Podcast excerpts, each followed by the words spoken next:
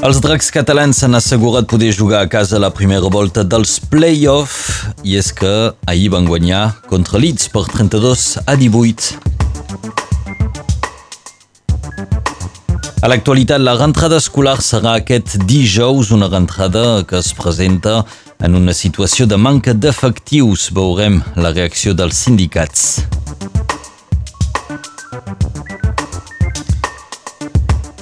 I es prepara la Diada Nacional de Catalunya, la Diada de l'11 de setembre, s'anuncia multitudinària. Des de l'ANC, l'Assemblea Nacional Catalana de Catalunya Nord, ens explicaran com ens podem apuntar als autobusos que viatjaran fins a Barcelona el dia 11 de setembre.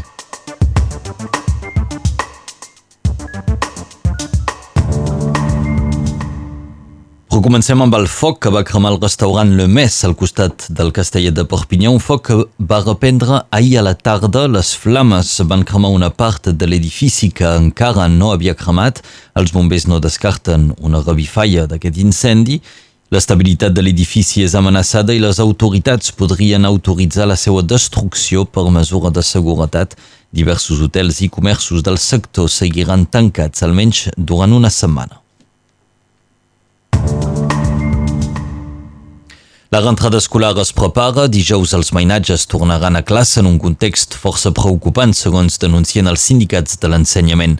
La principal inquietud és la manca de mestres. Per compensar aquest dèficit de personal, s'han reclutat 23 joves que no havien obtingut el concurs de mestres per ben poc, un, un, un reforç que malgrat tot no serà suficient i per això el ministre de l'Educació ha anunciat el reclutament de contractuals que en només quatre dies de formació es trobaran davant dels alumnes aquest dijous. Davant d'aquesta situació, els sindicats s'esperen a rebre les queixes dels pares d'alumnes, particularment per la manca de mestres de substitució. La rentrada escolar es farà doncs dijous i a partir de l'endemà, el divendres, l'Educació Nacional farà el recompte d'alumnes a les escoles. És a partir d'aquí quan es decidirà el nombre de tancaments i d'obertures de classes. Els sindicats avisen que en, amb el nombre de mestres disponibles actualment, cada obertura de classe implicarà sistemàticament el tancament d'una classe en una altra escola. El nou prefecte dels Pirineus Orientals, Rodrigo Fursi, ha començat una volta de Catalunya Nord en el marc de la seva presa de funcions. Recentment arribat dels Alts Pirineus, el nou prefecte està descobrint el territori i ahir va visitar Serret al Vallespí. Amb la voluntat de teixir lligams amb les col·lectivitats territorials i amb els elegits, Rodrigo Fursi assegura que vol fer vol ser el prefecte de tot el departament més enllà de la plana del Rosselló i del litoral. S'apropa la Diada Nacional de Catalunya l'11 de setembre. Enguany, després de dos anys de mobilitzacions menys importants a causa de la pandèmia i de les seues restriccions, l'Assemblea Nacional Catalana vol tornar a organitzar una manifestació multitudinària. És amb l'objectiu de reunir gent d'arreu del país que les territorials de l'ANC organitzen el desplaçament fins a Barcelona la Mite Puy és membre de la territorial de l'ANC de Catalunya Nord i nos detalla com apuntar-se a l'autobús que organitzen per anar el diumenge 11 de setembre a Barcelona. Uh, una recomanació, eh? no descuideu l'ampolla d'aigua i si podeu un barret també. Eh? Doncs l'hora, doncs sortim de Perpinyà a les 9 del matí del pàrquing Leclerc Sud, després hi haurà una parada al peatge del Boló, la manifestació a 17 hores 14 i acabem, marxem a les 7 del vespre, a 19 hores, de Barcelona. El preu són 25 euros, reservar a la pàgina catalunyanord.cat o bé deixar un missatge a l'emité al 06 76 82 62 71 i tots amb samareta negra. Aquest any hi ha 10 trams i doncs té 10 punts de trobada per repartir els manifestants i el punt de trobada per Catalunya Nord, que també és el punt de trobada dels països catalans i de la Catalunya exterior, serà el tram 1 i es troba a l'Avinguda Paral·lel entre els carrers del Portal de Santa Madrona i el carrer de Carrera. Ho dic per la gent que no vindran amb l'autobús, que ens trobem tots al mateix lloc era la Mite Puy, de la territorial de, de la NC de Catalunya Nord, nos donava totes les informacions útils. Si voleu anar a Barcelona el diumenge 11 de setembre a motiu de la Diada Nacional de Catalunya.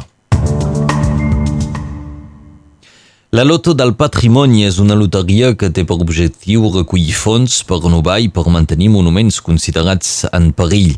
Ahir es va conèixer la llista de monuments que beneficiaran d'aquest finançament. A casa nostra és el castell de Salvaterra a Òpol qui s'emporta el premi que permetrà consolidar i rehabilitar les ruïnes d'aquesta fortificació.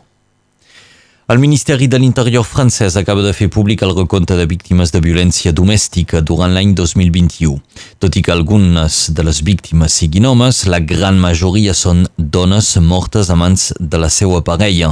L'any passat a Catalunya Nord es van comptabilitzar quatre víctimes de violència domèstica, de les quals tres eren dones i un home. Al conjunt de l'Estat, la violència intrafamiliar va fer 143 víctimes, un augment d'un 20% en un any, fins ara, aquest any 2022, a l'estat francès han mort 75 persones a mans de la seva parella. La Comissió Europea prepara una reforma d'emergència del mercat elèctric per frenar la pujada del preu de la llum.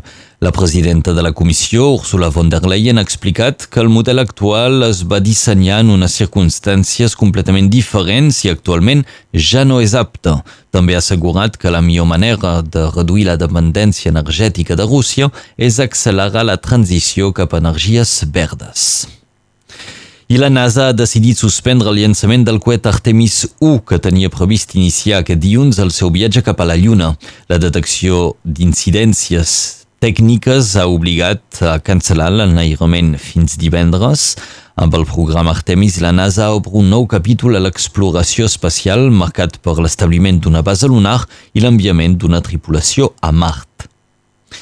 Una recomanació d'agenda, aquesta nit a l'Albert es proposa al públic iniciar-se gratuïtament al Ball Popular Català per excel·lència, com és la Sardana. La cita és a les 9 de la nit a la plaça de la República de Sureda.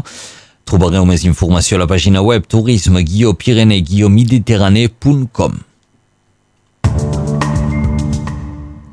Als esports i el rugby a 13. Ahir al vespre els dracs catalans van guanyar per 32 a 18 contra Leeds. Amb aquest resultat, els dracs s'han assegurat poder jugar a casa la primera volta dels play-off d'aquí 10 dies. Els dracs tancaran la fase regular de la temporada divendres vinent serà al camp de Wigan.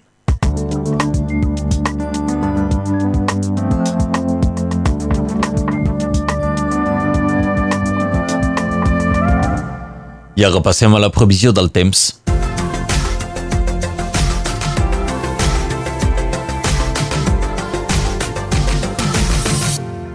Al matí el vent de llevant porta núvols baixos fins a les portes del Conflent i de l'Alballespí. L'aire és encara molt humit i és un ambient de xafogó. El front de sud-oest continua progressant i porta pluges febles a Cerdanya i Capcí com al Conflent que es converteixen en temporal al vespre i a la nit i pot ser amb molta intensitat a les zones del Madres i del Carlit. Les màximes són encara altes, una mica menys al litoral i prelitoral, per causa dels vents de mar, 24 a Formiguera, 28 a Nauja, 29 a Serdinyà, 31 a Prada, Corbera i Bages, 33 a Sant Joan Pla de Cors, 30 a Presa Molló, Cotlliure, Torrelles, 32 a Vingrau i Codies de Fenollet. El 30 d'agost de 1809, Francesc Aragó presenta al Bureau de Longitude el manuscrit sobre el mesurament del meridià de les illes. El 30 d'agost de 1878 neix a Serret Joan Amada, llicenciat de Filosofia i agregat de llengua castellana, serà professor a la Facultat de Montpellier. De ben jove publica poemes i als 28 anys és cofundador de la Societat d'Etudes Catalana, Joan Amada serà un dels intel·lectuals representatius del moviment regionalista. Segons el calendari en català Terra Nostra, avui és Santa Rosa, és també Sant Fèlix de Roma.